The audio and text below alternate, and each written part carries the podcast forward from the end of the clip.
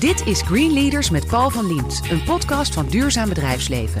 Het businessplatform voor succesvol duurzaam ondernemen. Wekelijks hoor je hier een Green Leader die de economie vernieuwt, verandert en verduurzaamt. Aart van Vellen is medeoprichter van Van de Bron, een online marktplaats voor duurzame energie. Vraag en aanbod worden met elkaar verbonden zonder tussenkomst van een energiemaatschappij. Het bedrijf werd in 2014 opgericht, inmiddels zijn er 150.000 klanten. Welkom Aart. Nou, dat klinkt als een, als een groot succesverhaal. Uh, is het dat ook? We doen ons best. Hè? We doen ons best om de markt een beetje op zijn kop te zetten. Inmiddels overigens 185.000 klanten, dus dat gaat langzaam de goede kant op. Nou, dat is handig. We praten een paar minuten meteen 35.000 erbij. Kun je zien wat, voor effect dit heeft, zo'n podcast? ja, dat gaat hard. Maar kijk, als je een beetje uitzoomt, dan gaat het natuurlijk nog veel te langzaam allemaal. Hè? Dus uh, als Nederland bungelen we onderaan het lijstje als het gaat over het percentage duurzame energie. En wij uh, proberen daar wat uh, meer snelheid in te krijgen. Ja, dat is leuk dat je dat zegt, ja, want er wordt heel vaak uh, vergeten eigenlijk. Hè? Maar we bungelen onderaan, we staan niet bovenaan. Hoe komt dat, denk jij, de, de, de, dat het in onze hoofden anders lijkt vaak? Nou, ik denk dat we in ons hoofd hebben dat we een heel innovatief land zijn. En we zijn natuurlijk ook een heel rijk land. En daarom denk ik dat veel mensen ervan uitgaan dat we ook voorop lopen op dit vlak. we hadden de windmolens zijn hier uitgevonden ongeveer. Uh, dus uh, ja, dat, dat zou uh, eigenlijk wel moeten. Maar tegelijkertijd zijn we natuurlijk ook een groot gasland. En een groot fossiel land. Dus de belangen van de fossiele energie-industrie zijn enorm groot. Um, en het was ook heel goedkoop, heel lang, om gewoon fossiele energie te gebruiken. Daar hebben we goed gebruik van gemaakt, kun je zeggen. En het heeft ons ja, nu eigenlijk bijt het ons een beetje in de staart. Omdat we onderaan dat lijstje bungelen. Maar het gaat veranderen. En dat probeer jij in ieder geval een belangrijke speler te zijn. Ik zei het al, je bent, je bent een marktplaats. Dat zou je zo mogen omschrijven. Maar uh, hoe werkt het precies?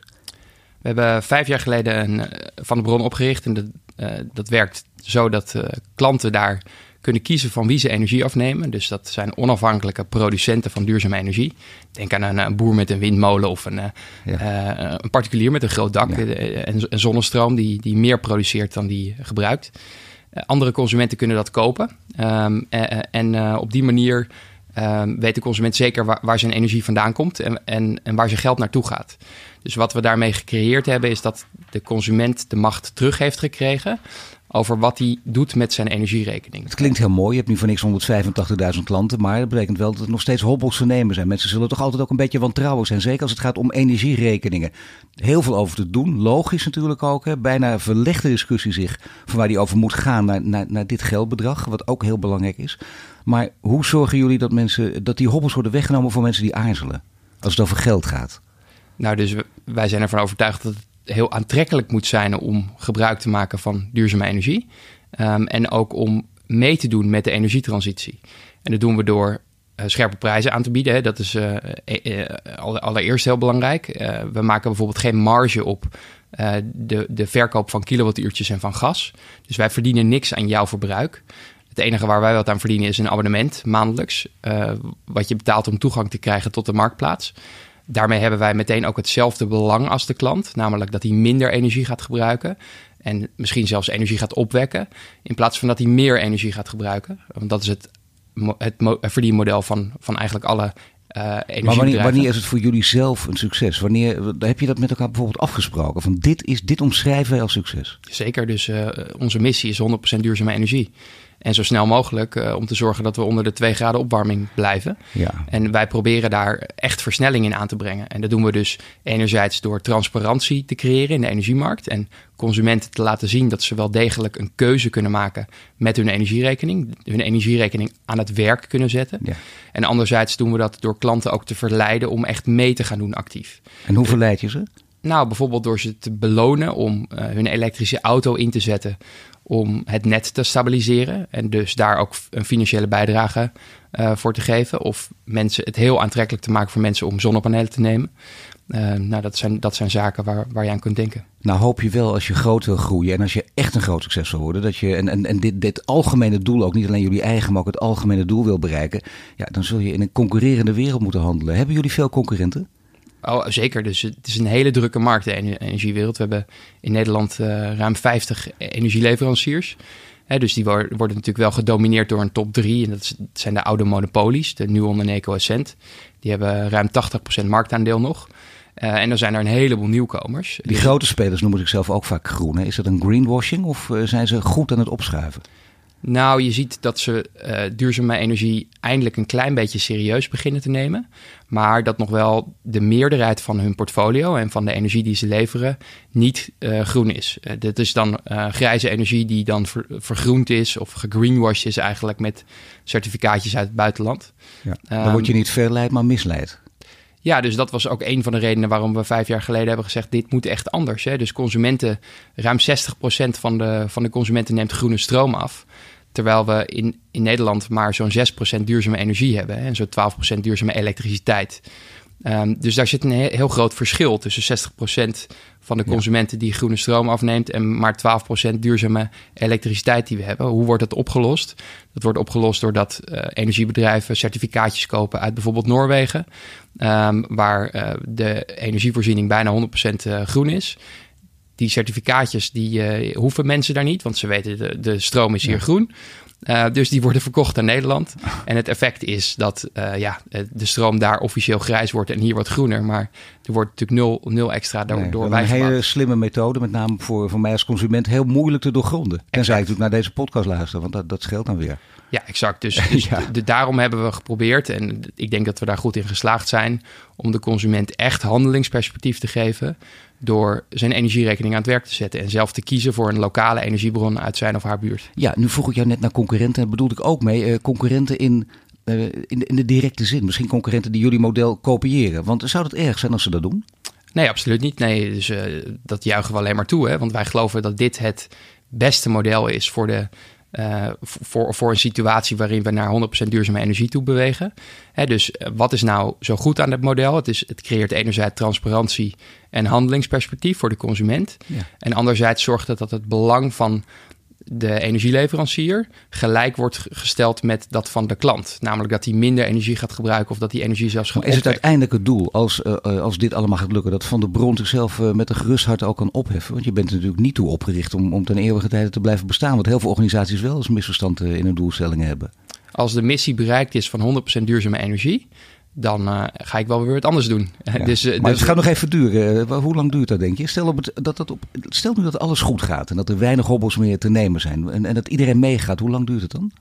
2030 zou een, een haalbaar doel moeten zijn. Dat is echt reëel, denk je? Dat is absoluut reëel. Ja, je ziet dus dat in 2030, volgens de afspraken van het Klimaatakkoord, hè, waar, waar ik ook aan tafel zit, ruim 80% van de elektriciteit, dus niet van alle energie, maar van de elektriciteit, uh, duurzaam uh, wordt, wordt, wordt opgewekt. ik denk dat dat nog wel een tandje harder kan en mag. En dat dat ook eigenlijk economisch slimmer is. Om ja, maar waar hangt dat van af? Van bedrijven, van de, van de wil van consumenten, van de politiek? Het is een combinatie van die drie. Alleen de grootste bal ligt eigenlijk bij de politiek, die uh, structureel veel meer zou moeten doorvoeren dat de vervuiler betaalt. He, dus dat er een eerlijke prijs wordt uh, betaald voor het uitstoten van CO2. Maar ik zou bijna zeggen, als je het woord vervuiling gebruikt, de discussie aan de klimaattafels en, en de politiek werd door elkaar gehaald, werd ook een beetje vervuild op dit item. Hè? Want uiteindelijk ging het alleen maar over mijn energierekening gaat omhoog en dat pik ik niet. Exact, ja. Dus, dus de klimaattafels die gaan over een periode van 2023 tot 2030. Dus er zijn allerlei afspraken aan die klimaattafels gemaakt om te zorgen dat we in 2030 50% of 49 om precies te zijn CO2 reduceren ten opzichte van 1990. Um, en dus dat zijn afspraken die, die gaan over beleid en over acties die we met elkaar allemaal gaan uitvoeren om dat te doen. Maar die gaan natuurlijk helemaal niet over de periode 2019. Uh, dus de, de verhoging van de energierekening met ruim 120 euro is de energierekening verhoogd in 2019, ja. in dit jaar, door extra belastingen. Uh, daar, heeft, uh, daar hebben de klimaattafels niks over te zeggen. Maar tegelijkertijd is het natuurlijk wel voor consumenten uh, ontzettend vervelend dat dat gebeurt. En zorgt het ook voor dat het draagvlak heel hard naar beneden gaat. Ja, de politiek heeft het dan in ieder geval toch op zo'n manier weten te framen dat het lijkt alsof het door de klimaattafels komt. Dat, dat, dat zou goed kunnen. Dat is in ieder geval, dat beeld is in ieder, in ieder geval ontstaan en dat is zeer onjuist. Er speelt er nog iets, eh, namelijk eh, de concurrenten die jullie kopiëren. Jij zegt dat is heel goed, want dan wordt onze gezamenlijke doelstelling bereikt. Maar ook als het bijvoorbeeld uh, Powerpeers is van Nuon, ik zal even citeren. Powerpeers van Nuon maakt inzichtelijk wanneer een windmolen, zeggen ze zelf, wanneer een windmolen stilstaat. Dat doen wij. En we zeggen ook wat voor alternatief er dan is gekozen. En dan zijn ze dus naar eigen zeggen verder dan jullie. Is het waar of niet? Nee, dat, dat is niet waar. Maar dus we hebben gekozen om uh, het model uh, zo in te richten naar de klant dat het relatief eenvoudig blijft. Dus de klant kiest bij ons een productiemiddel, een, een boer met de windmolen of een, uh, particulier met zonnepanelen. En daarmee gaat zijn geld naar uh, die specifieke bron. Ja. dus hij maakt daarmee een economische keuze om een bepaald type duurzame energie te supporten. Dat is een net iets ander model dan wat Powerpeers uh, nastreeft. Wij zijn heel erg voor die transparantie die ze bieden, maar we denken wel dat het misschien iets te complex en ingewikkeld is voor de klant om zo gedetailleerd ernaar te kijken. Oh, ik dacht zelf serieus even dat je denkt, misschien zijn ze op dit gebied ons wel een stapje voor. Kunnen wij dat gaan, gaan uh, imiteren? Het lijkt namelijk zo logisch, hè? Ik geef daar geld aan, een windmolen, windmolen staat stil. Oké, okay, ik wil wel weten wat er in de tussentijd gebeurt. Want ik wil wel dat er gewoon stroom komt, dat jullie iets anders inschakelen. En desnoods uh, een kolencentrale. Maar ik wil het wel weten. Ja, dus er zijn uh, natuurlijk mensen die dat willen weten. Um, maar dat is naar ons inzicht een heel klein deel van de, van, uh, van, de, van de Nederlandse bevolking. Uh, dus uh, de vraag die interessanter is, mijn inziens, is dat wat, wat, wat is het resultaat? Wat is het resultaat nou, Weet je wat? Ik ga die vraag gewoon stellen. Wat is het resultaat? Nou, dus het, het resultaat van PowerPeers is misschien dat je inzicht hebt, maar niet dat je je energierekening echt aan het werk zet. He, dus bij ons maak je, krijg je handelingsperspectief over welke type duurzame energie je wil supporten. Kan je die producenten opzoeken en kan je uh, denken, nou, ik, ik wil bijvoorbeeld uh, zonne-energie in plaats van windenergie uh, supporten. Dat, dat werkt in dat andere model waar je misschien iets meer transparantie ja. hebt, maar er, er, er is niet een, uh, verder een handelingsperspectief of nee, dat is echt, echt, een duidelijk verschil. Uh, toch Nuon, het is een beetje af en toe een beetje armpje drukken lijkt het ook, een beetje pesten, ook over en weer, dat is leuk. Je wil ook wat reuring hebben. Volgens mij, ik ken jou een beetje, het hoort ook bij jou. Je wil niet alleen maar saai aan de kant zitten en alleen maar met een goed doel, er moet, mag ook wel wat over gesproken worden. Dan komt er ook discussie los. Vandaar ook, denk ik, een bod van jullie vorig jaar op de kolencentrale van, uh, van Nuon. Was dat ook ten diepste serieus bedoeld of echt alleen maar als gimmick om uh, als marketing gimmick? Wij waren daar bloedserieus over. En zijn daar bloedserieus over. Kijk je even aan, ook... ja inderdaad. Dus, nee, ik heb steeds getwijfeld nog een beetje. Want ik kan me voorstellen dat ook, je denkt, nou marketing, wat is beter dan dit? Want de discussie ging daar toen ook over. En die ging ook over waar jullie het over willen hebben. Dus ik denk dat het alleen maar opgepakt is door de media, omdat wij bloedserieus waren. dus we hebben ook echt een heel serieus bod gedaan uh, van 1 miljoen. En dat werd in dezelfde week verhoogd naar 5 miljoen. Uh, door onder andere de, de gemeente Amsterdam ja. en een aantal andere clubs die daar ook aan bij, bijdroegen. Um, wij waren bloedserieus daarover. En waarom? Uh, dat kwam omdat Nuon zelf had gezegd... wij willen niet met die centrale door. En wij willen geld van de overheid, want anders dan verkopen we hem door aan een andere partij die dus jullie hadden er een miljoen in gestopt, stel dat je hem had kunnen kopen en dan was het gewoon weggegooid geld, maar had je hem wel dicht kunnen doen. Zeker, ja, absoluut. Dus het was het enige doel was om iets te kopen om het te sluiten? Zeker, 100%, ja. En, en, we hadden ook natuurlijk meteen wat ideeën over wat je daar dan verder kon, kon doen. Maar ons doel was niet om daar dan weer geld mee te verdienen. Maar was het doel wel om het zo serieus aan te pakken dat je denkt, nou 1 miljoen zullen ze te weinig vinden. We gaan straks meer bieden, bijvoorbeeld 5 miljoen. Hadden jullie zo'n diepe zakken? Nou, van, nee, we hadden niet die diepe zakken, maar we hebben wel van tevoren een strategie gemaakt waarbij we uh, meteen uh, hadden nagedacht over andere partijen die mee zouden kunnen doen. En ook over een crowdfunding actie. Dus uiteindelijk hebben ook nog 40.000 mensen ook nog geld bijgedragen uh, om de centrale te sluiten. Dus uh, dat, dat is vanaf het begin de strategie geweest. Hè? Het beginnen met 1 miljoen, kijken wie er, wie er, welke andere partijen er meedoen. En ik, ik vind het wel belangrijk om te onderstrepen dat is, dit is een fundamenteel andere actie dan je bijvoorbeeld ziet van een uh, milieubeweging als een uh, Greenpeace of een uh, Milieudefensie. dus ja. wat, wat, wat dit nou zo anders maakt, is dat wij direct handelingsperspectief boden. We zeiden niet alleen dat ding moet dicht. We zeiden ook, hey, hier heb je een financiële compensatie. Nee, niet alleen maar negatieve actie. Exact. Daar zat ik op. Nee, het is goed dat je dat zegt, want daar wilde ik eigenlijk naartoe. Maar dat is het duidelijk niet. Dat is een andere. Maar wel een beetje reuring en baldadigheid. Dat is wel nodig in deze discussie, of niet? Nou, um, niet per se uh, als andere partijen snel genoeg bewegen. Het is Alleen, ook een mooie provocatie, toch, dit? Nou, de, daar is het ons nooit om te doen geweest. Dus, nee. de, dus als je kijkt naar de belangen die uh, bestaande grote energiebedrijven hebben, dan is het vaak niet om de energietransitie nou heel hard te versnellen. En dat komt heel simpel als je naar een balans kijkt dat daar heel veel assets op staan, heel veel productiemiddelen, ja. zoals kolen- en gascentrales, waar ze veel geld in hebben geïnvesteerd. En daar willen ze hun rendement op halen. Ja, ik zou en zeggen. Op het moment dat er meer duurzame energie komt, dan gaat het rendement van die centrales naar beneden. Nou, zo simpel is het. En er, dus er werken geen slechte mensen daar. Die mensen die menen het allemaal heel goed. Maar als je puur naar hun belangen kijkt, dan zie je dat ze niet echt belang hebben bij het echt significant versnellen van de energietransitie. Dus kan ik me voorstellen, als je andere belangen hebt en je wordt tegengewerkt door een kleine speler die veel aandacht naar zich toe trekt, dat je kwaad wordt en boos wordt. En die verhalen kennen we uit het verleden ook. Er zijn hele mooie films ook over gemaakt en dat je af en toe dus ook bedreigd wordt. Dat ze zeggen, zo heertje van Viller, eh, we gaan eens even praten. Ga zitten mannetje, pikken we niet. Nou, is dat gebeurd of niet? Nee, nee, ze hebben het heel beschaafd gespeeld en ehm, wel ook heel slim. Maar ik bedoel, dus... achter de schermen, is er nooit achter de schermen iemand geweest die dacht, eh, wij moeten eens een kopje koffie drinken op dreigende toon? Nee, we zijn gelukkig nooit uh, bedreigd hierover. Nee, nee. Nee, het is wel zo dat ze het heel slim gespeeld hebben. Dus we hebben, ze hebben wel gezegd, wij willen niks meer met Van Bron te maken hebben. En wij willen dus ook niet met jullie om tafel. Hoeveel geld je ook optaalt, het maakt ons niet uit. Uh, wij willen alleen nog maar met de overheid hierover praten. Nou, dat vonden we flauw, uh, maar wel slim gespeeld. Hè? Dus uh, zo gaat het spel. Dat mag, ja. en nu, nu hebben ze geld gekregen. Hoeveel is nog niet duidelijk. Hè? Dus, Heb je enig idee? we, gaan richting? Daar, we gaan daar waarschijnlijk wel een WOP-verzoek over inrichten. Ja, maar heb je al een idee welke richting het te speculeren? Dat zeg ik zelf nadrukkelijk bij. Maar om, om wat voor bedrag gaat het ongeveer, denk je? Ze hebben zelf 55 miljoen geroepen. Hè? Ja. Dus wij hebben naar aanleiding van, van dat bedrag hebben wij uh, gesproken met de oud-CEO van eh, Delta, die ook een kolencentrale had gesloten. Die zei, je komt met 10 tot 15 miljoen, kom je echt wel een heel eind. Oeh, dat is wel een bopverzoekje waard, ja.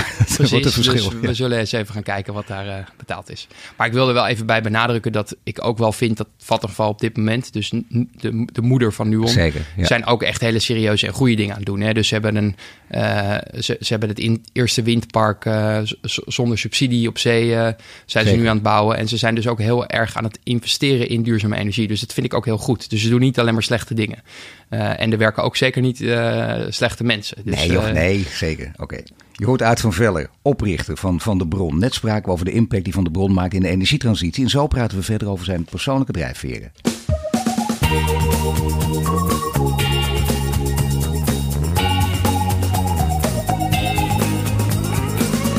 Bij mij in de studio uit van Velle. Net sprak hij over de rol die Van de Bron speelt in de energietransitie. Nu spreken we verder over zijn persoonlijke motivatie. Want je bent jong begonnen met heel veel ondernemingen. Uiteindelijk nu succesvol met Van de Bron. Er zaten ook heel veel ondernemingen tussen die wat minder succesvol waren. Hoe, kun je dan, hoe ga je ermee om? Want dat is iets wat, wat met name uh, jongere mensen heel vaak roepen. Als er maar iets misgaat. Ik heb gefaald met hoofdletters. Hè?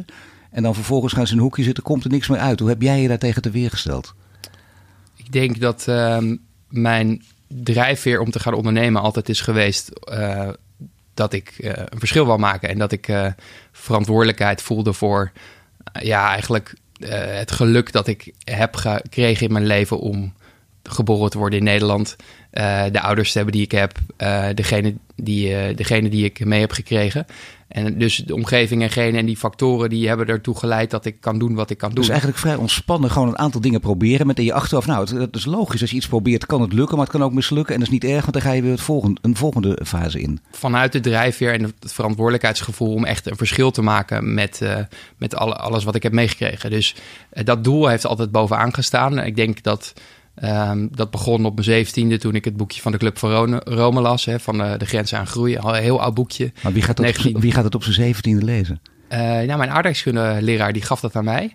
Die zei dat is een leuk boekje voor jou. En ik was op dat moment eigenlijk heel erg tegen duurzaamheid. En tegen tegen alles wat milieu te, met Pardon? milieu te maken had. Maar wacht even, je was 17 jaar geschooleerd, je was tegen duurzaamheid. Wat, wat voor soort jongen was je toen op die leeftijd? Nou, ik, ik deed heel veel topsport en, en mijn uh, aversie tegen duurzaamheid kwam vooral van mijn ouders, die, uh, die mijn macrobi macrobiotisch eten voerden vanaf, uh, vanaf ja. dat ik heel klein was. En echt echt hippie-ouders, af van la lettre? Ja, absoluut. absoluut. Ja. Dus ik kan me nog goed herinneren dat ik volgens mij elf was en dat mijn moeder een verjaardagstaart voor me bakte met alleen maar uh, macrobiotische spullen erin en honing. En dat het meisje, meisje dat ik leuk vond zei, gadver, hier zit uh, honing in, geen suiker. Nou, toen, toen, was ik woest, zeg maar. Dat was een beetje mijn aversie tegen duurzaamheid. Geweldig hoe opvoeding dan werkt. Hè? Je kunt eigenlijk veel beter volgestopt worden met biefstukken, want dan word je juist macrobiotisch van. En omgekeerd werkt het ook zo, ja. Ja, zou goed kunnen. Anderzijds uh, ben ik nu dankbaar voor uh, dat, dat, mijn ouders dat uh, mij hebben ja, ge gevoerd. Ze maar, kunnen meeluisteren, je weet het nooit. Ja, ja, ja. maar, dus, nee, maar dus hoe dat toen, toen omkeerde is dat, dat, dat boekje, dat, dat, dat legt vrij simpel en eenvoudig uit dat we natuurlijk gewoon een, een, een planeet, planeetje hebben uh, die, die, die eindig is. En dat we niet oneindig kunnen doorgroeien op de manier waarop we dat nu hebben ja, Toch is het bijna te gek dat een leraar je dat meegeeft. Je hoort het zo vaak. Hè, hoe ontzettend belangrijk dus een rol van een individuele, uh, individuele leraar kan zijn. Die toch blijkbaar de behoefte had om jou te overtuigen. Merk je dat je, dat je al met hem al op één lijn zat? Of had hij gewoon, was het echt een hele slimme man die in de gaten had wachten, broert iets in die jongen? Ik moet hem overtuigen. Of ik moet hem dit, dit laten zien in ieder geval. Nou, ik denk dat hij iets zag van ambitie in mij. En ik, ik had wel natuurlijk uh, toen al een beetje een grote bek.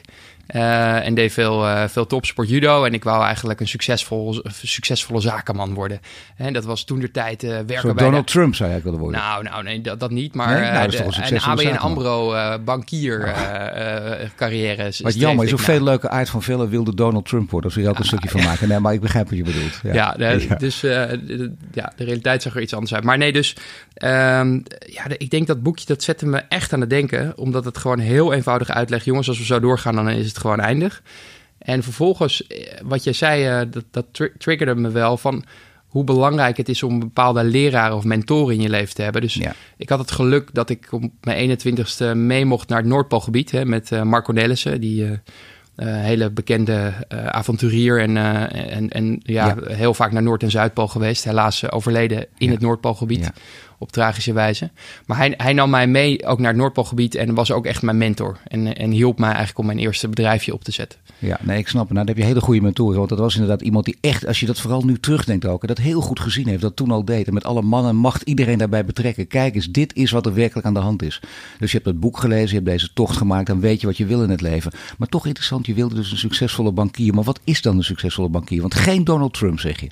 Maar dat is, dat is wel iemand met, met, met een krijtstrepen pak en veel geld en een sigaar in zijn mond? Ik denk dat ik dat beeld een beetje nastreefde, omdat mijn ouders totaal anders waren. Mijn ouders waren hippies en die uh, vonden geld helemaal niet belangrijk. Ja. En ik dacht dat ik, ik denk dat ik op dat moment als puber juist wou uh, eigenlijk daartegen wou gaan en, ja. uh, en mezelf wou bewijzen. Ik denk dat dat erachter zat. Dat is het gauw, maar toch wel dat beeld ook van. En is dat door je ouders ook uiteindelijk nog bijgesteld of niet? Of lukte dat niet? Dat ze dachten, wacht, het gaat helemaal de verkeerde kant op met de jongen. Nee, nee, mijn ouders hebben me altijd vrij uh, gelaten. Die zeiden, jongen, al wil, wil je putjes, putjeschepper worden, het maakt ons niet uit als je maar gelukkig bent. Dus dat, dat is altijd. Nee, maar een, ook stel in hun ogen dan een, uh, zo'n soort verderfelijke bankier met veel te veel geld, veel te veel mooie vrouwen, grote gouden horloges, altijd in de PC Hoofdstraat te vinden. Ja, ik probeer me dat even voor te stellen, maar dat lijkt me toch met hippie-ouders. Voor hippie-ouders een redelijk schokkende gebeurtenis als het echt zo ver is gekomen. Ja, dus ik denk dat mijn, mijn ouders altijd wel hebben meegegeven. Mijn vader zei altijd noblesse oblige. En dat is een beetje een oud wollige, wollige de term. Verplicht. De adel verplicht. En uh, je kan het ook op een hele verkeerde manier opvatten. Maar hoe die dat dan uitlegt is uh, dat... Uh, ja, weer terug naar die verantwoordelijkheid. Van, je, je hebt gewoon mega veel geluk hè, als je in Nederland geboren wordt en, en gezond bent en een beetje normaal stel hersens. Dus daar moet je wat mee doen. Hè? Dus het gaat niet over geld en over ego. En nee, je, je, moet echt kijken wat je, wat je kan bijdragen aan, aan de wereld. Ook puur uit egoïstische oogpunt. Want je wordt daar gewoon het meest gelukkige mens nee, van. maar het is duidelijk. Je, hebt goede mentoren gehad, een goed rechtvaardigheidsgevoel. Uiteindelijk ook ouders die je, op, ook al had je dat zelf niet zo verwacht, die je natuurlijk enorm geholpen hebben met, met hun ideeën en idealen.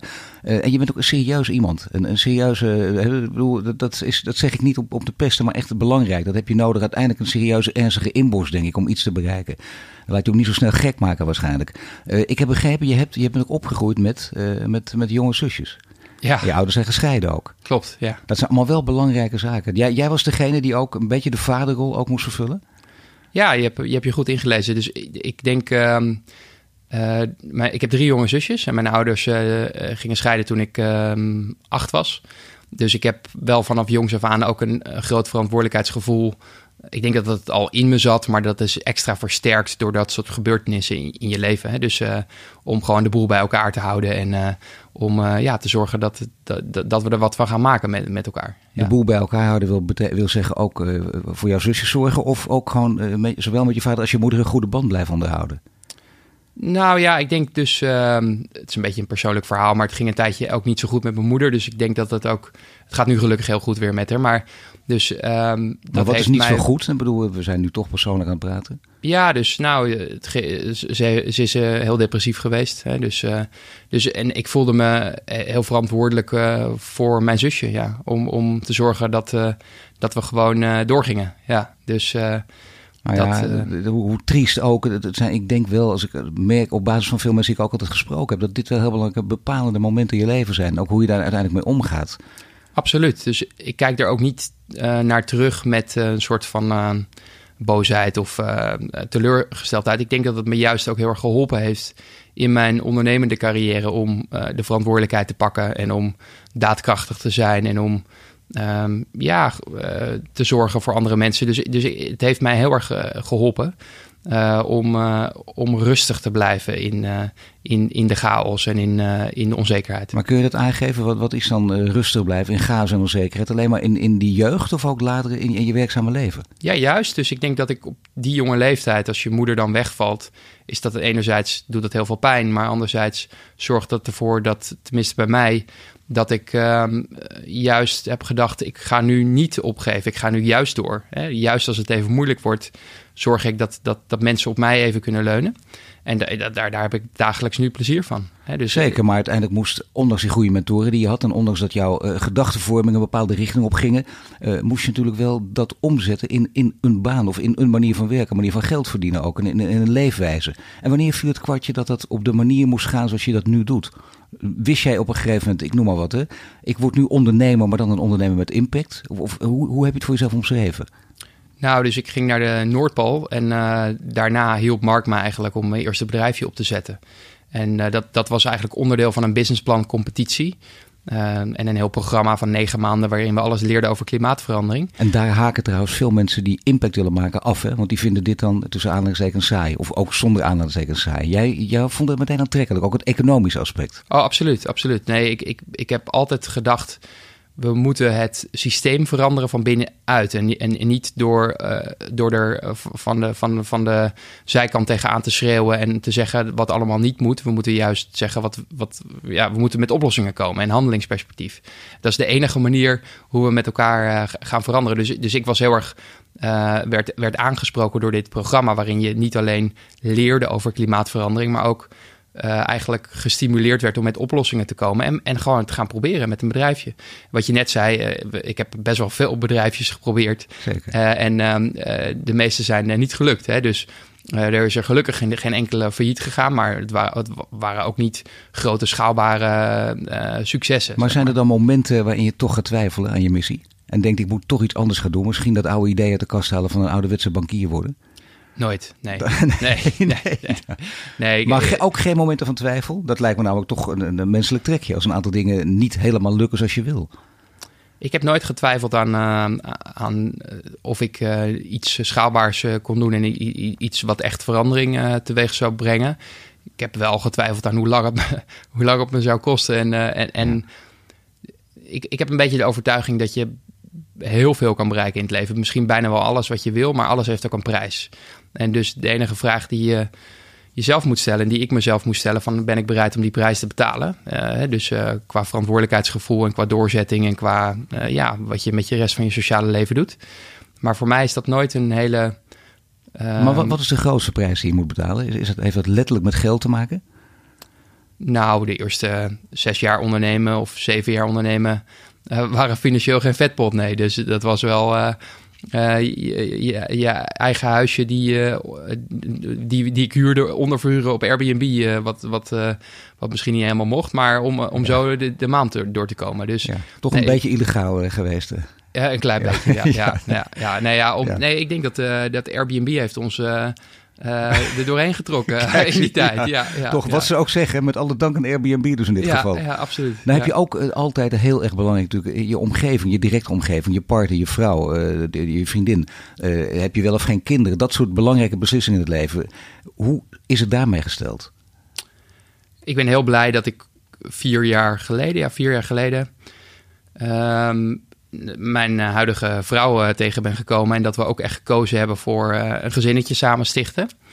Um, en dat, dat relativeert wel um, over waar je je tijd en aandacht aan wil besteden. En, en wat echt belangrijk is in het, uh, in, in het leven. Maar dat is gevaarlijk bijna, zou ik gaan zeggen, met jouw missie. Uh, relativering en missie gaan vaak niet samen. Klopt, dus dat is uh, een, een balans die, die ik daarin heb moeten, moeten zoeken.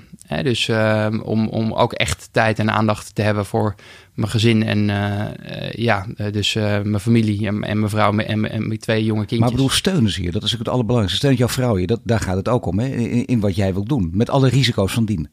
100%, ja, ja. Dus toen ik haar net leerde kennen, hebben we daar veel gesprekken ook over gehad. En heb ik haar ook verteld van, uh, ik, ik heb een grote missie in het leven.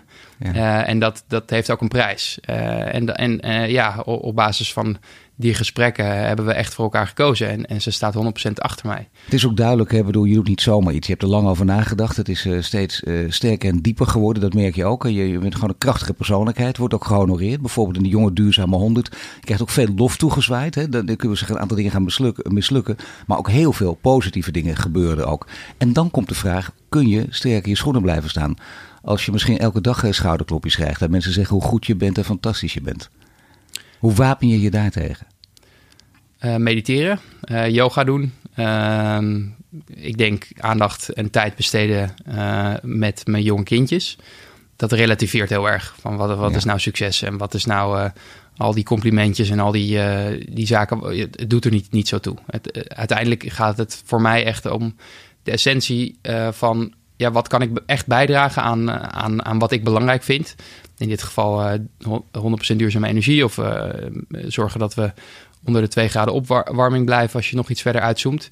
Um, en, en daarnaast, hoe ben ik als persoon voor mijn omgeving? dat vind ik ook steeds belangrijker. Ik denk dat ik daar in zeg maar, de eerste nou, zal het zijn acht, acht jaar ondernemerschap. Niet, dat vond ik wat minder belangrijk. Um, en ik probeer daar wat meer aandacht aan te dus besteden. Dus minder egoïsme, ook af en toe gewoon dingen die je misschien niet zo interessant vinden, maar die anderen fijn vinden, om daar toch in toe te stemmen.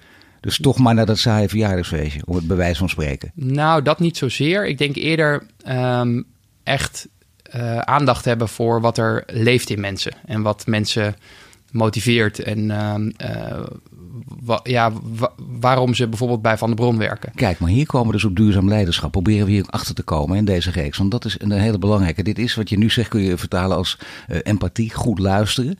Wat leiders wel zeggen, maar je geeft zelf aan hoe lastig dat is om dat echt te doen. Want dat heb jij gemerkt, dat is een vind belangrijk onderdeel van, van leiderschap. Ja, zeker. En ik zeg niet dat ik er goed in ben. Uh, maar uh, ik, ik, doe, ik doe mijn best erin. En ik denk dat ik nog een hele leerschool op dat vlak te gaan heb. Wat ik merk is dat op het moment dat ik me ertoe zet om even stil te staan en even echt aandacht te hebben voor mensen, dat het daarna juist sneller gaat. Dus ik ben geneigd vaak om al drie stappen vooruit te denken en om iedereen erbij te halen en te zeggen: jongens, het moet sneller, het moet harder, het moet uh, ambitieuzer. Um, uh, en dat, dat werkt soms goed hè, op mijn willpower of op mijn kracht. Uh, alleen we hebben nu een, een organisatie met ruim 200 mensen werken en dat, is dat, dat dat kan dan niet meer op mijn kracht. Nee, en, en sowieso, zo'n soort overenthousiasme kan natuurlijk ook, ook echt verstikkend werken. Dat is best lastig. Ja. Maar eh, hoe, hoe lukt het je om je beter te verplaatsen in anderen? Want dat, dat kun je, zeggen, je kunt zeggen dat je dat wil, maar sommige mensen is dat gewoon niet gegeven. Het brein zit misschien heel, je brein zit misschien zo in elkaar dat het niet lukt, maar jij bent er wel toe in staat. Wat levert dat op? Ja, dus wat het oplevert is uh, meer wederzijds begrip en ook meer um, uh, compassie voor elkaar. Maar dat, dat klinkt allemaal heel ja, een beetje wollig misschien. Maar uiteindelijk wat het oplevert is dat je als een team beter elkaar begrijpt. En met meer vertrouwen kan werken aan de, de missie die je gezamenlijk hebt. Nou vraag ik naar duurzaam leiderschap en ik weet ook wel, dat is ook maar weer een concept. En zijn ook maar een paar woorden achter elkaar, maar toch, het gaat wel over leiderschap, het gaat over nuchterheid, het gaat over geld verdienen. Altijd met impact, in meerdere of mindere mate. Geldt voor alle, al deze zaken. Wat vind jij nog meer echt belangrijke kenmerken in, in de loop der jaren die je bij jezelf gezien hebt, die je ontwikkeld hebt en die, echt, die eigenlijk, als het zou kunnen, elke duurzame leider zou moeten omarmen? Goeie vraag. Eindelijk valt hij stil. Hè? Ja, ja. je, het kan toch wel. Ik zat, ik zat te het, hopen. Lukt, het lukt, het lukt, het lukt. Ja. Ja, goed. dus dat inlevingsvermogen is mega belangrijk. Ik, ik, dus het gaat, het gaat er denk ik over dat je dus enerzijds een visie neer weet te zetten waar mensen in geloven en achteraan uh, uh, of me, in meelopen. Uh, en anderzijds dat je mensen ook eigenlijk in, in staat stelt om het zelf te gaan doen. En daar zit eigenlijk een soort paradox. Hè? Want enerzijds zeg je, daar moeten we met elkaar naartoe. En anders, anderzijds wil je mensen maximaal empoweren, zoals het mooi heet, maximaal in hun kracht zetten om hun eigen ding te gaan doen. Dus ik denk dat dat een soort ja, contradictie is die je toch alle twee zou moeten hebben als, als een goede leider. Ehm, en ook daarin meer durven loslaten. Ik denk dat dat een groot aandachtspunt is van mezelf. Ik ben vrij ongeduldig en ik... Uh, je kan niet goed delegeren ook? Nou, ik kan wel goed delegeren, maar als het dan niet, niet zo snel gaat of niet zo gaat als ik wil, dan zit ik er te dicht bovenop. Hè? Dus dan geef ik mensen te weinig ruimte. Um, ik denk dat ik dat, of ik weet vrij zeker, dat doe ik vanuit verantwoordelijkheidsgevoel. Heb je hier vanuit... coaches voor of niet? Uh, ja, zeker. Ja. Oh, toch? Ja. ja. dan pak je het echt serieus professioneel aan. Ik heb weer geluk met een hele fijne en goede mentor. Ja, die mij heel erg helpt. Om, en mag ik weten wie het is of wil die juist onbekend blijven? Nou, dat mag je wel weten. Het is Fijke Siebesma, van, uh, dus de CEO van oh, DSM. Dat is heel goed, heel belangrijk. Dus uh, die, die helpt mij heel erg om, uh, ja... maar dan praat je met hem toch ook... uit. Sorry, ja. Nee, ga je gang. Je nou ja, dus Fijke zei zelf een tijdje geleden tegen mij van... ik zei van, hoe doe je dat toch? Hè? Dus mega succesvol heeft hij die transformatie... ja, eigenlijk geleid van DSM, hè, van een chemie, chemiebedrijf eigenlijk naar een life science en material science bedrijf. Ja. Um, en ja, hij, hij, zei van uh, Aard, ik moet mezelf elke dag uh, en elke jaar echt opnieuw ook weer uitvinden. Hè? Dus uh, blijf dat ook vooral doen. Um, ik ben ook nog lang niet klaar. Het is een enorme inspiratiebron voor mij om, om elke keer weer dat ook te doen. Aan het woord is Aard van Veller. En net spraken we over zijn persoonlijke drijfveer. En zo praten we verder over zijn visie op energietransitie.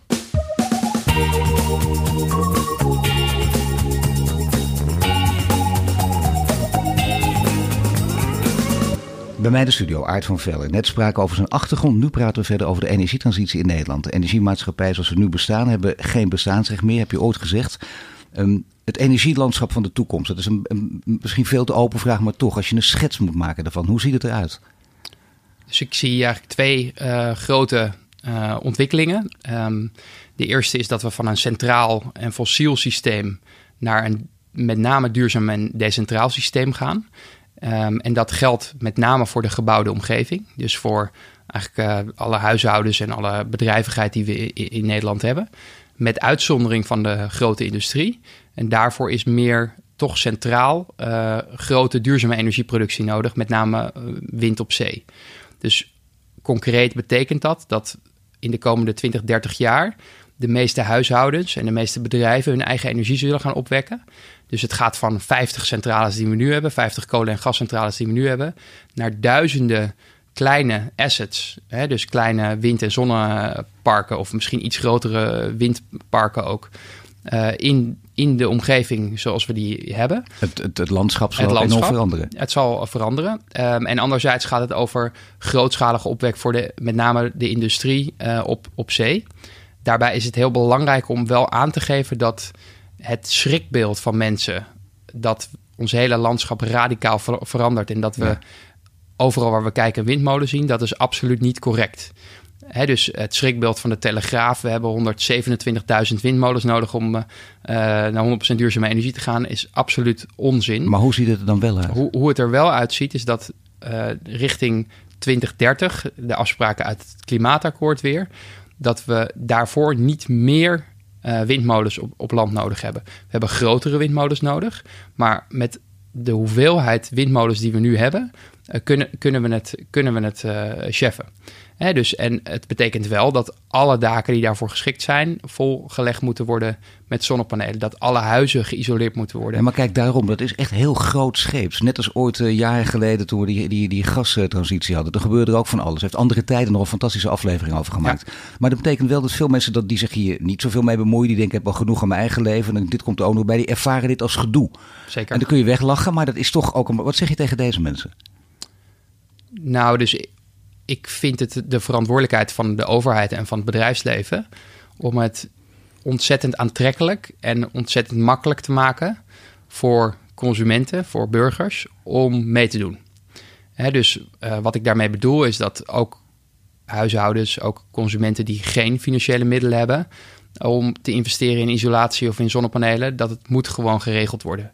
Dus het is ook goed te financieren, want het zijn allemaal rendabele investeringen. Het gaat ook niet over kosten in die discussie. Want heel vaak wordt gezegd: ja, dat kost uh, miljarden en miljarden om uh, de transitie te maken. Nee, het gaat over investeringen die we doen. Uh, en uiteindelijk meer opleveren dan wat, wat het kost. Hè. Ja, dus... is een totaal ander verhaal dan het Europa-verhaal. Dat helemaal mislukt is door mensen bang te maken. We hebben nu heel lang vrede en veiligheid. En, en, en zorg dat Europa één blijft, want anders. Dat ging mensen de keel uithangen. Die fout moet je dus nooit meer maken. Klopt. Ja, nee, maar het is, dat verleiden is natuurlijk dat tegenover. Dat heb je in de Europa-discussie ook af en toe. Ik denk dat je er veel van kan leren. Want mm. er komen heel veel mechanismen komen overeen. En, en bijna synoniem kun je ze, je kunt ze haast ook, ook eigenlijk naast elkaar leggen. Maar uh, hoe ga je ze nog meer verleiden? Want het is toch een te algemene boodschap door te zeggen. Uiteindelijk gaan we meer mee verdienen. Want dan denken mensen, oké, uiteindelijk, uh, ik, ik, wil het nu, niet over 40 jaar pas. Helemaal en dat eens. weet je ook niet zeker. Helemaal eens, helemaal eens. Dus wat wij bijvoorbeeld zelf doen op dat vlak is zorgen dat mensen die een elektrische auto hebben, die elektrische auto in kunnen zetten om het net te balanceren. Nou, dat klinkt allemaal heel ingewikkeld, maar het, het is mega eenvoudig om mee te doen. Je meldt je aan met een app en, en je zorgt ervoor dat je instelt wanneer je auto 100% opgeladen moet zijn. Wij doen de rest. En daarmee verdient een consument zo'n 200 tot 300 euro per jaar. En gewoon bijverdienen. Dus ik denk dat het een leuk voorbeeld is van hoe je klanten kan verleiden, consumenten kunnen verleiden om mee te doen met de energietransitie. En hoe kun je klanten verleiden om niet meer te aarzelen over de, laten we zeggen, de tussen aanhalingstekens, de uitdagingen over zon en wind? Want hebben we wel genoeg? Gaat het wel goed? Zijn ze altijd betrouwbaar? Zijn ze stabiel genoeg? Nou, dus ja, absoluut, 100%. Dus we hebben daar op dit moment helemaal geen issue mee natuurlijk. We hebben veel meer uh, productie en aanbod. En, nou, weet je wat het is? Het gaat om het idee, bedoel ik eigenlijk, van je wil nooit zonder stroom zitten. Dus dat betekent, uh, je moet echt scoren. Ze hebben van 99,7 procent, zoals we nu ook vaak hebben. Is water uit de kraan, moet altijd goed gaan. En bij een transitie kan er wel eens wat misgaan. Moet je dat tegen mensen ook zeggen? Van, uh, er maar rekening mee die af en toe eens een half dagje zonder stroom zit. Of gaat dat te ver? Dat is geen realistisch scenario, Paul, nee, denk ik. Dus gelukkig, dat, nee, dat, zal, dat zal niet gaan gebeuren. Nee, dus nee. we hebben in Nederland natuurlijk heel veel capaciteit aan bijvoorbeeld gascentrales op dit moment. En dat zal zeker tot 2030 hier blijven staan. Om op dagen dat het niet waait en de zon niet schijnt, toch uh, gewoon stroom te hebben. Na 2030 zal er een andere oplossing voor gevonden moeten worden. En daar zijn verschillende ideeën over hoe we dat uh, gaan doen. Dus bijvoorbeeld met waterstof. Hè, die, die gascentrales ombouwen naar waterstofcentrales is één optie. Kunnen op technologie vertrouwen. Exact, ja. En, maar dus de komende elf jaar hebben we sowieso daar nul problemen mee. En kunnen we sowieso naar 80, 90 procent duurzame stroom toe. Zonder dat we uh, ons zorgen hoeven te maken over of, uh, of, of het, ons lampje wel blijft branden. Zeker, maar dan heb je ook mensen die zeggen: kijk even niet zo gek ver vandaan. Dan heb je een heel groot land in Europa. Het land heet Frankrijk, een heel mooi land. Gaan we vaak allemaal naartoe op vakantie ook. En we zijn allemaal geschrokken wat er bij de Notre-Dame gebeurt. Dus dat zegt ook iets. Een gedeelde emotie. Dus dat land is belangrijk en prettig en daar houden we van. En dat land uh, zweert bij kerncentrales. Waarom doen wij dat niet? Omdat het een hele dure en domme investering is. Dus de kern, er is geen enkele kerncentrale gebouwd in de, de, afgelopen 20, 30 jaar zonder staatssteun. Of volgens mij nog nooit. En uh, dat betekent dat de overheid altijd moet garanderen. Uh, dat, ja, een, soort garantie moet geven, een verzekering moet geven voor als, voor als het misgaat. Um, en dat is heel duur. Uh, het tweede is dat als je kijkt naar hoeveel je moet investeren en als je dat terugrekent naar wat je betaalt per kilowattuur hè, die je gebruikt, dat kernenergie uh, de meest dure optie is op dit moment om energie op te wekken. Als je het vergelijkt met, uh, met alle andere vormen van energieopwekking. Of het nu gaat over wind of zon of uh, zelfs gas of kolen. Dus het is gewoon ontzettend duur om op die manier en, energie maar hoe op kan te het dat zo'n groot land zo dom is? Nou, dus die investeringen die zijn natuurlijk al heel lang geleden gedaan. En sindsdien is het gekke dat de prijs per kilowattuur van kernenergie niet omlaag is gegaan, zoals bij alle vormen van duurzame energie wel, heel hard zelfs, maar juist omhoog is gegaan. Dus het is ten opzichte van 20, 30 jaar, 50 jaar geleden, um, in euro's van nu, duurder om een kilowattuur op te wekken met een met kernenergie. Dus Frankrijk zou het ook verstandig gaan doen om de Nederlandse weg te volgen, of misschien de Duitse weg te volgen, ook een, een heel ander voorbeeld natuurlijk, en al die kerncentrales ook uh, per direct te sluiten. Nee, dat vind ik geen goede optie.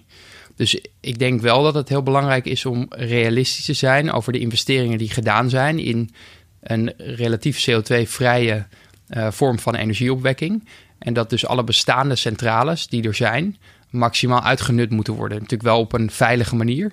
Maar ik denk wel dat we dat absoluut nodig hebben om onze CO2-reductiedoelstellingen te halen. Maar daarnaast in, uh, in Frankrijk uh, creatieve ondernemers eens uh, bij elkaar laten zetten. En kijken welke kant het op zou kunnen gaan. Nou ja, dat is heel duidelijk. Hè? Dus wind en dat zon doen ze zijn... te weinig. Dat doen ze weinig nu in Frankrijk nog steeds. Hè? Duitsland, kan Duitsland daar een rol in spelen? Ik bedoel, toch de Duits-Franse as. Heel veel gevoeligheden liggen daar. Maar toch ligt daar de oplossing?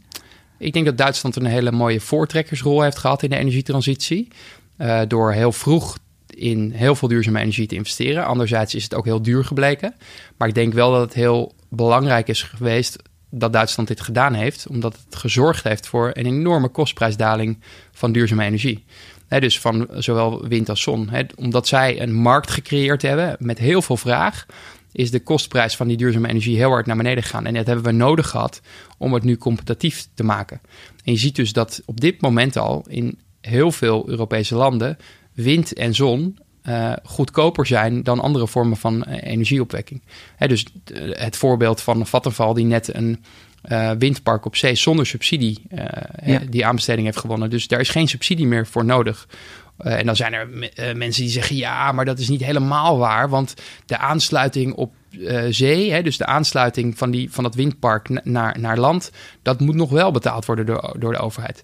Dat klopt, maar een aansluiting op een gascentrale of op een kolencentrale wordt ook betaald. Ja. Door, dus nee, ja, dat is natuurlijk uh, geen vergelijking. Nou, is er nog iets? Uh, wij hebben in deze serie mensen die af en toe vragen stellen. En uh, ja, tot nu toe is er nog uit mijn mond geen echt goede vragen gerold. Dus we hebben gewoon anderen voor nodig. En in dit geval is het Kees Buisman. Die komt ook in deze serie voor. Professor dokter ingenieur. Hij is directeur van ja. WETSUS. Dat is dat uh, Instituut voor Watertechnologie in Leeuwarden. bovendien ook bekend vanwege de Blue Energy. En hij heeft een vraag voor jou, maar tegelijkertijd voor de hele, hele elektriciteitssector, zoals hij het noemt. Dus ga er maar even voor staan. Mijn vraag aan de elektriciteitssector is wat ze vinden van uh, alle datacentra en de 5G-ontwikkeling die in Nederland gaat plaatsvinden, waardoor we nog weer veel meer stroom gaan gebruiken, terwijl we nog niet eens de bestaande stroom duurzaam hebben gekregen.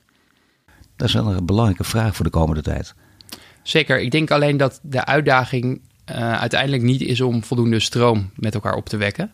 En ik denk ook dat op het moment dat we de datacentra uh, op een duurzame manier bouwen, en daar bedoel ik mee dat het enerzijds wordt aangesloten op duurzame productiemiddelen, maar anderzijds ook dat we de warmte die dit daar vrijkomt, hè, als een bijproduct, dat we die weer hergebruiken om onze woningen bijvoorbeeld mee te verwarmen. Dat het ook een, um, ja, een, een, goede manier is om, uh, om maximaal dat uit te nutten. En dat het ook strategisch gezien voor Nederland als economie belangrijk is om die datacentra hier, hier Ja, maar zelfs als je dat doet, het is zo enorm. En ik weet het ook niet, ik praat ook maar weer deskundigen aan, maar die zeggen wel, het vreet enorm veel stroom. Echt, data, data is het nieuwe goud, is al heel vaak een enorm cliché geworden. Maar dat is natuurlijk wel, en daar wil je in voorlopen. En 5G ook. En dat, hoe je het ook went of keert, dat gaat enorm veel kosten.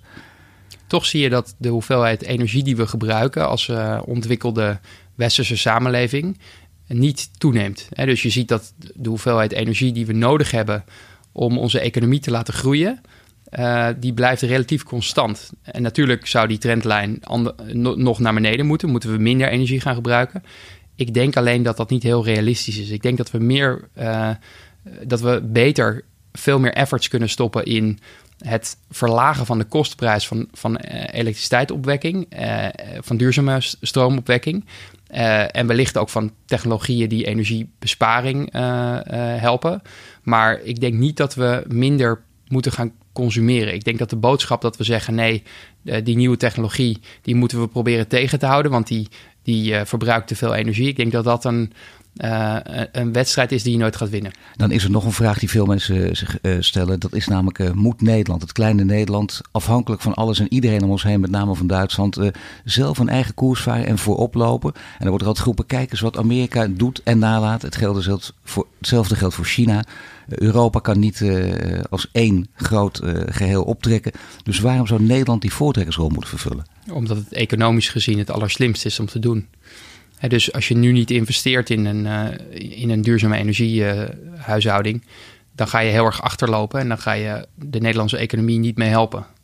Nou, dat is een uh, prachtige boodschap. Je bent geen dominee, zo kwam het er ook niet uit, maar dit is een, een, boodschap die iedereen verder kan helpen. Ik dank je wel, Aart van Velle. Je luisterde naar de Green Leaders podcast van Duurzaam Bedrijfsleven. En volgende week zijn we terug met een nieuwe Green Leader. Dit was de Green Leaders podcast voor deze week. Volg onze website voor meer nieuws over succesvol duurzaam ondernemen. Wil je meer afleveringen luisteren? Abonneer je dan nu via iTunes of Spotify en krijg een melding wanneer er een nieuwe podcast online staat.